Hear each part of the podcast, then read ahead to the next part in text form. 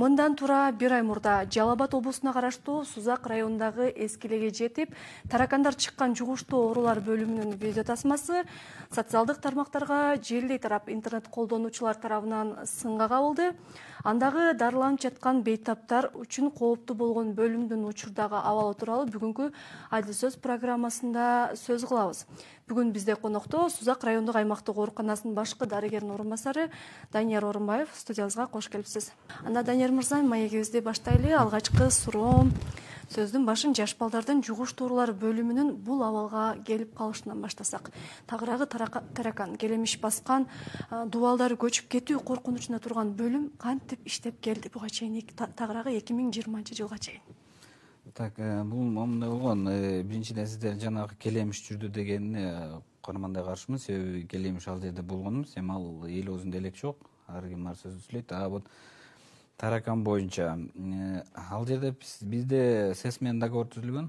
Айына төрт жолу келип тазалап берип турушат өзү. Эми эскилиги жеткен имараттан чындыгында ар нерсени алат анан бул биринчи. Экинчиден э, түнкү убакытта келишет. Э, бизде менталитет өзү ушундай да баягы тууган туушкан дегендер бар э. Ошолор келгенде көбүнчө сырттан тамак келип ошол тамакты сыртка кой дегенди элибиз укпагандыктан баягы комнатасы өзүлөрү отурган палатасында тумбочкаларды салып отургандан ошондон пайда болуп калып атат но анчалык эле көп эмес. Но ал себеби айтып атпаймынбы айына төрт жолу келип биз сэс тарабынан бул дезинфекциялап тазалап неме кылып кетип турушат. Азыр таракандар боюнча жообун узаттыңыз ал эми эски элеге жетип көчөдө турганчы боюнча да имарат өтө эски ага макулбуз жанан э, буга чейин эки миң он алтынчы жылы э, bundan да эски зданиябыз бар болчу имаратыбыз. Ал жүрөк кан тамыр бөлүмү болчу ал бир миң тогуз жүз элүү алтынчы жылы курулган имарат болчу ошону бузуп жаңы жүрөк кан тамыр э, бөлүмү курулду эми мына ушул жылдарга э, бул жугуштуу оорулар бөлүмү кайра курулганга даярдалып турган. Эми бул эмнеге иштеп жатты? Баягы эле имараттын жоктугу. Кокусунан жээктүү түрө бир болуп кете турган болсо коркподуңуздарбы ушул жоопкерчилик бар да жетекчилерде бир? Жоопкерчилик бар да. Но эми баягындай да э, имарат такыр жок. Бизде өзү айтып атпайбызбы азыр например азыр ушул убакытта сузак району боюнча эки жүз жетимиш миң калк бар. Эки жүз жетимиш миң калкты эң чоң болгон гана бир э, жугуштуу оорулар бөлүмү ошол жерде. Айла жок. Башка жака эч жака жөнөтө албайбыз демек жугуштуу оорулар бөлүмүнү эски деп айтып калдыңыз. Эски имарат качан курулган эле канча жыл иштеди акыркы жолу качан оңдоп түзүүдөн өткөн? Жана мына ушул эки миң он жетинчи жылы санэпидемстанциясы жана бир нече тиешелүү кызматтар тарабынан жабуу боюнча тапшырма берилгенден кийин жогорку жакка сунуштар берилген жокпу? Мына ушул үч жыл аралыгында.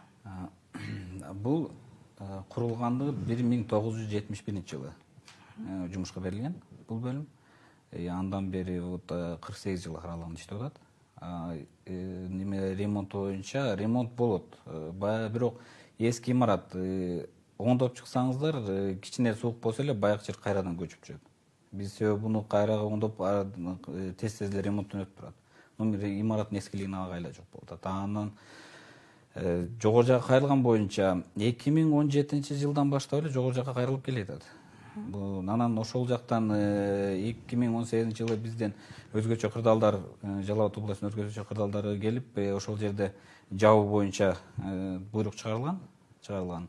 И ошол ал ал чыккандан кийин анан өзүңүздөр билесиздер мына эки миң он тогузунчу жылы февраль айында тагы жыйырма биринчи февраль күнү президентибиз жалал абадда иш сапары менен болуп ошол сузак аймактык ооруканасынын жугуштуу оорулар бөлүмүнө кирип көргөн и андан кийинкиси эми ушул убакытка чейин эмнеге болбогондугу деген эми бул документтер туураланды. Э, баардык документтер толук бүтүп э, жалал абад курулуш э, департаментине өткөзүлүп берилген. И азыркы күндө сметалык баасы алтымыш жети миллион сегиз жүз сексен эки миң сомго бааланды бул. И бул титульный листке кирилип мына жыйырманчы жылы жакын күндөрдө тендер өткөрүлүп уже курулуш башталат деп турабыз даярдык көрүп демек өлкө башчы өзүнүн көзү менен келип мына ушул абал менен келип таанышып кеткен болчу. Анан ошол жердеги иштегендер жалпы эле ушул сузак райондук аймактык ооруканасында иштегендер ал жерге барып келгендердин айтымында мына ушул жерге декабрь эки миң он тогузунчу жылдын декабрь айына бүтүрүлсүн деген тапшырма берген беле мунун канчалык келет чындыгы бар э, э, декабрь айына чейин бүтүрүлсүн деген жок тапшырма болгон эмес андай. Жөн гана ушул бул жерде эскилиги жеткендигине байланыштуу бул имаратты иштетпеңиздер токтотуңуздар деп и анан жаңы имарат курууга буйрук болгон. Андан кийин дагы бир жыл иштеп турду. Да айла жок эми имараттын жоктугуна мына ушул үч жүз миңдин тегерегинде калкы бар сузак району үчүн инфекциялык ушул тагыраагы жугуштуу оорулар бөлүмүн имарат куруп берүү ушунчалык мындай чоң маселеби кандай ойлойсуз жеке дарыгер катары. Себеби буга чейин отуз кырк орунду жугуштуу оорулар бөлүмүндө сиздер кадимкидей эле кабыл алып келгенсиздер. Кырк орунга эсептелингенби ал эми мына ушул жерге кырк орунду дебейли алтымыш жетимиш орунду ушул куруу ушунчалык маселе жараттыбы эки миң он жетинчи жылдан бери. Документтер бүтпөй аткан болсо. Жок момундай да. Себеби э, айтып атпайбызбы биз эки миң он алтынчы жылы жаңы имарат курганбыз өзүбүзгө деп анан бир эле кыргызстан боюнча эле бир эле сузак аймактык ооруканасы эле бар эмес да көптөгөн ооруканалар бар көптөгөн жерлерде ушундай маселелер бар. Анан баардыгы эле бир тарапка болбойт да ар жерге коюлат. Анан андан берки да эми документтер иштери боюнча бул эски зданиебу жетимиш биринчи жылдан бери документтерин толукташтагы демек бизге маалым болгондой мына ушул жалал абад облусундагы ушул сузак райондук жугуштуу оорулар бөлүмүндөгү баардык бейтаптар тез жардам кызматы аркылуу он үч чакырым алыстыктагы бек абад айылына убактылуу көчүрүлдү. Бул жерде момундай э, баардыгы эмес баардыгы эмес. Ал жерден э, э, жана сиздер азыр көрүп өттүк э асадый юлдашевич бөлүм башчысы сүйлөп айтып өтүп кетти ошол жерде ал жерде биринчи сузак аймактык ооруканасында келишет. Анда деле которулуп атканда деле ошондой э, этап менен кеткен. Көрүп туруп э, жеңилдерин гана которулган эги оор акыбалдагы же болбосо орточо оорлукта деп коет. Бизде ошондой болгондордун ошо аймак ооруканасынын гана э, бир отделениядан бөлүнүп ошол жерге калып ошол жерден дарыланып чыгыштылар бирок басымдуу бөлүгү ошол бек абадка барып дарыланып атышат. Мына ошол бек абад айылы менен сузак райондук аймактык ооруканасынын ортосунда мына ушул бейтаптарды жеткирүү боюнча атайын тез жардам кызматы бөлүндүбү же өздөрүнүн жеке транспорт унаалары менен барышабы? Тез жардам унаасы бар бизде бар. Ошо менен э, биринчи булар келгенде э, аймактык оорукананын өзүнө келет ал жерден көрүлөт. Жана айтып өткөндөй эле эгерде оор болсо өзүбүз алып калабыз эгерде жеңил болсо тез жардам менен ал жака жеткирилип берилет. Рахмат.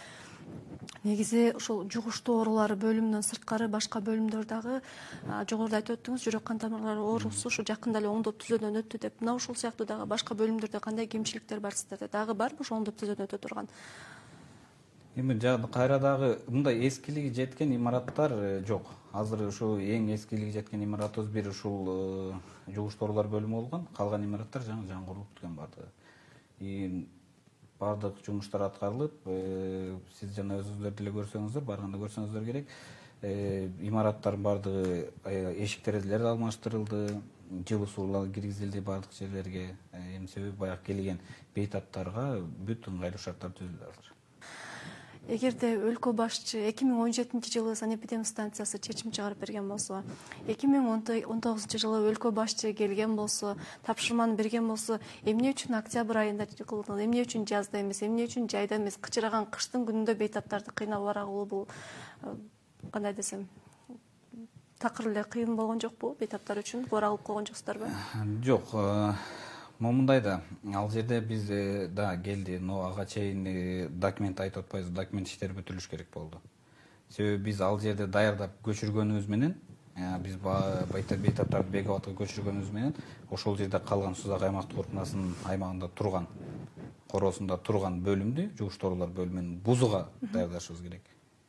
Ошол боюнча биз документтерди туралап анан кийин көчүрдүк да ал жака демек мына ушул бек абад айылындагы убактылуу дарыланып жаткан бейтаптар качан жаңы шартта жаңы имаратта тагыраагы биздин келечегибиз болгон жаш балдардын жугуштуу оорулар бөлүмү мына ушул сузак аймактык ооруканасынын борборунда качан оңдоп тагыраагы курулуп ишке кирет? Планыңар кандай болуп атат? Мына ушул боюнча бөлүшүп өтсөңүз.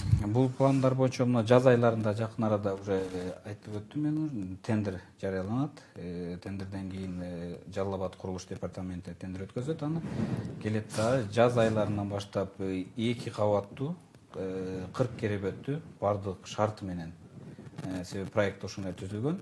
Имарат кайра башынан курулуп э, биз э, ушул эки миң жыйырманчы жылы ичи бүтүрүп кайрадан жумушка беребиз деп турабыз азыр.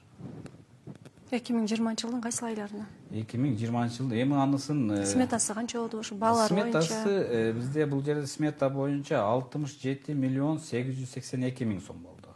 Бул нускада кырк орунга? Кырк орунга аз эмеспи кырк орун аз эмеспи мына ушул үч жүз миң тегерегинде калкуулар сузак районунун калкы үчүн аз эмеспи жок. Мурда деле кырк болгон экен кайра эле кырк кылып куруп кырк орунду. Биз э, момундай да мурда биз кырк орунду болгон бирок кырк орунду биз э, керебет аз деген эмес бизде себеби кырк орундук э, жугуштоолор бөлүмү ушул убакытка чейин тейлеп келген. Эч кандай кыйынчылык болгон эмес ал жерде. Азыр кайра эле ошо кырк орунду бирок эки кабат баардык шарты менен курулат жетишет кудай кааласа рахмат. Анда биз сөз кылып жаткан мына ушул жугуштуу бөлүмү ошо жабылсын деп токтом чыккандан кийин туура канча жыл иштедиңиздер? Туура ушул бир жыл иштедиңиздерби эки миң он сегизинчи жылы жабылсын деди же эки миң он жетинчи жылы тагыраагын айтып өтсөңүз негизи өзү жабылсын деп токтом чыккандан кийин бул токтомдун негизинде иш аткарыш керек да. Аргасыздан мажбур болгонуңуздардан кийин. Мисалы биз эки миң он тогузунчу жылга чейин сөз кылайын. Себеби тиешелүү кызматтар тарабынан эки миң он тогузунчу жылдан баштап жабылсын деген токтом жокко чыккан э. Бузуулар жөнүндө кодекс токтом жокко чыгарылып мораторий жарыялангандан кийин болгону гана айып пулдар менен гана чектелип турмушкан ошо айып пулдар менен канча жолу айып пул салынды кайсыл тиешелүү кызматтын өкүлдөрү келип текшерди мисалы эко тех инспекциясы дагы жогоруда эле айтып өткөн санэпидемстанциясы кандай текшерүүлөрдү бир гана ушул текшерүүлөр менен эле кайра айып пулдар менен гана чектелип отурдуңуздарбы сиздер айып пулдарды төлөп коюп элечи. Санэпидемстанция эки миң он жетинчи жылы токтом чыгарып кеткен менен өзгөчө кырдаалдар министрлигинен эки миң он сегизинчи жылы келип ошондо уже имаратты жабыш керек бузулууга керек бул жерде бейтаптар жатканга болбойт деген. Токтом чыккан. Анан э, э, жанакындай келип да айып пулдар салынып атты айып пулдар салынып эми айла жок имарат жок жаап кое албайбыз. Ошо менен гана иштеп келе жаттык эле биз мен мындай суроо берейин. Ушул биздин берүүбүз аяктап баратат программабыз. Саламаттыкты сактоо министрлигине мына ушул эскилиги жеткен оорукана боюнча биринчи сунушту качан бердиңиздер? Биринчи сунуш биринчи өтүнүч мына ушул болбой калды уже. Жаңыдан курулуш керек деген сунушту качан бердиңиздер? Ушул качан гана санэпидемстанциясы келип жабылсын дегенден кийин ганабы же ага чейин гана өзүңүздөр билип түшүнүп жаңы имараттын курулушу боюнча атайын сунуш пикирлериңиздерди айтып аттыңыздар беле. Тиешелүү мисалы жалал абад облусунда атайын саламаттык сактоо министрлигинин өкүлү бар э? Мына ошолор боюнча байланышып иштеп турдуңуздарбы алар кантип силерге келип көзөмөл кылып аттыбы негизи көзөмөл боюнча дагы айтып өтсөңүз. Көзөмөл боюнча да жалал абад областтык э, медицинанын э, координатору бар бизде. Манапович. Ал келип текшерүүлөр жүргүзүп турат өз убагында. Келип текшерүүлөрдү жүргүзүп ошол эле бейтаптар менен сүйлөшөт кирип жаткан турган жеринен палаталардан бөлмөлөрдөн. Э, дарыгерлер менен орто медайымдар менен кичүү медайымдар менен баардыгы менен сүйлөшүп э, неме болуп турат? Баарлашып турат. А э, жабуу боюнча биз эки миң он жетинчи жылдан баштап ушул имаратыбызды кайра жаңылап берүү боюнча документтер толтуруп ошондо кайрылып баштаганбыз биз. Ага чейин эч кандай болгон эмес. Ага чейин ага чейин жок. Жакшы эле иштеп турганбы иштеп турган бирок эскилиги жеткени маалым эскилиги жеткен бирок э, момундай да. Э, акыркы жылдары ошо жана биз көрүп өткөндөй эле дубалдар урап э, жаман акыбалга ошондо келе баштады. Ага чейин андай уроо иштери болгон эмес. Кийин ошондо урап баштады. Анан биз ремонт иштерин өткөзгөнүбүз менен кайра эле урагандан анан биз жогору жака уже сунуш менен кайрылганбыз. Бизге жаңы имарат куруп бериңиздер деп демек жаз мезгилинен баштап тендер жарыяланат ал эми курулуш иштери качан башталат? Жаз мезгилинен эки миң жыйырманчы жылы э, кырк орунду сузак районунда жугуштуу оорулар бөлүмү жапжаңы болуп ишке түшүп мына ошол жердеги келечек болгон наристелер жаш балдар жаңы шартта кайсыл мезгилде кайсыл айда толук айта аласыз? Мына ушул мезгилде бүтүп ишке бере алабыз деп эки миң жыйырма бирге өтүп кетпейбиз депчи. Э, жаз айларында тендер жакынкы арада ачылат. Жаз айларында э, курулуш иштери башталат бул жерде тууралап эме болуп эле жакынкы арада тендер ачылса жаз айларында курулуш иштери башталат эки миң жыйырма биринчи жылга өтпөйбүз кудай кааласа эки миң жыйырманчы жылы ичи бүтүрүп беребиз деп турабыз. Но сиздерге азыр э, себеби тендер өтүп ал жерде уткан компания бул жерди көрүп алар өзү баасын бермейинче сиздерге так мына айга бүтүрүп бере алабыз деп айта албайм себеби алар менен чогуу көрүшүбүз керек. Курулуш иштери боюнча иш алып барган адамдар бизге караганда жакшы билишет өздөрү келип көз карашын айтат но эки миң жыйырма биринчи жылга калтырбайбыз эки миң жыйырманчы жылы ичи бүтүрөбүз деп турабыз. Жок кагаз жүзүндө ушул ал эми ишке качан ашат ал белгисиз. Албетте биздин түз эфирге келип маанилүү маек куруп бергениңиз үчүн терең ыраазычылык билдиребиз. Анда сөзүбүздүн аягында эркин микрофон. Эми эмне дейбиз? Э, рахмат ушунчалык келгениңиздерге эми баягыда э, биз кандай медиктер биз өз жумушубузду аткарабыз элдин ден соолугун ойлойбуз. Сиздер журналисттер баягы элдин арасында болгон көйгөйдү э, бүт өлкөгө көрсөтүп турасыздар. И ушунчалык чакырганыңыздарга да чоң рахмат. Ошол элибизге ден соолук эң керектиси ден соолук. Рахмат. Албетте дени сак өлкөдө жашоо үчүн мамлекет биринчи кезекте өлкө жарандарынын ден соолугу үчүн кам көрүшү зарыл эки миң жыйырманчы жыл балдарды коргоо жылы деп жарыяланды. Мына ушул жылдын алкагында биз сөз кылып жаткан сузак райондук аймактык ооруканасынын жугуштуу оорулар бөлүмү кайрадан курулуп мына ошол жердеги жаңы өсүп келаткан жаш балдар жаңы шартта жаңы имаратта дарыланып калса албетте бул мамлекет үчүн дагы мына ушул ооруканада иштеп жаткан дарыгерлер үчүн дагы жалпы үчүн ал жерде жашоочулар үчүн дагы чоң жетишкендик десек жаңылышпайбыз берүүбүз аягына чыкты кайрадан эфир аркылуу көрүшкөнчө сак саламатта калыңыздар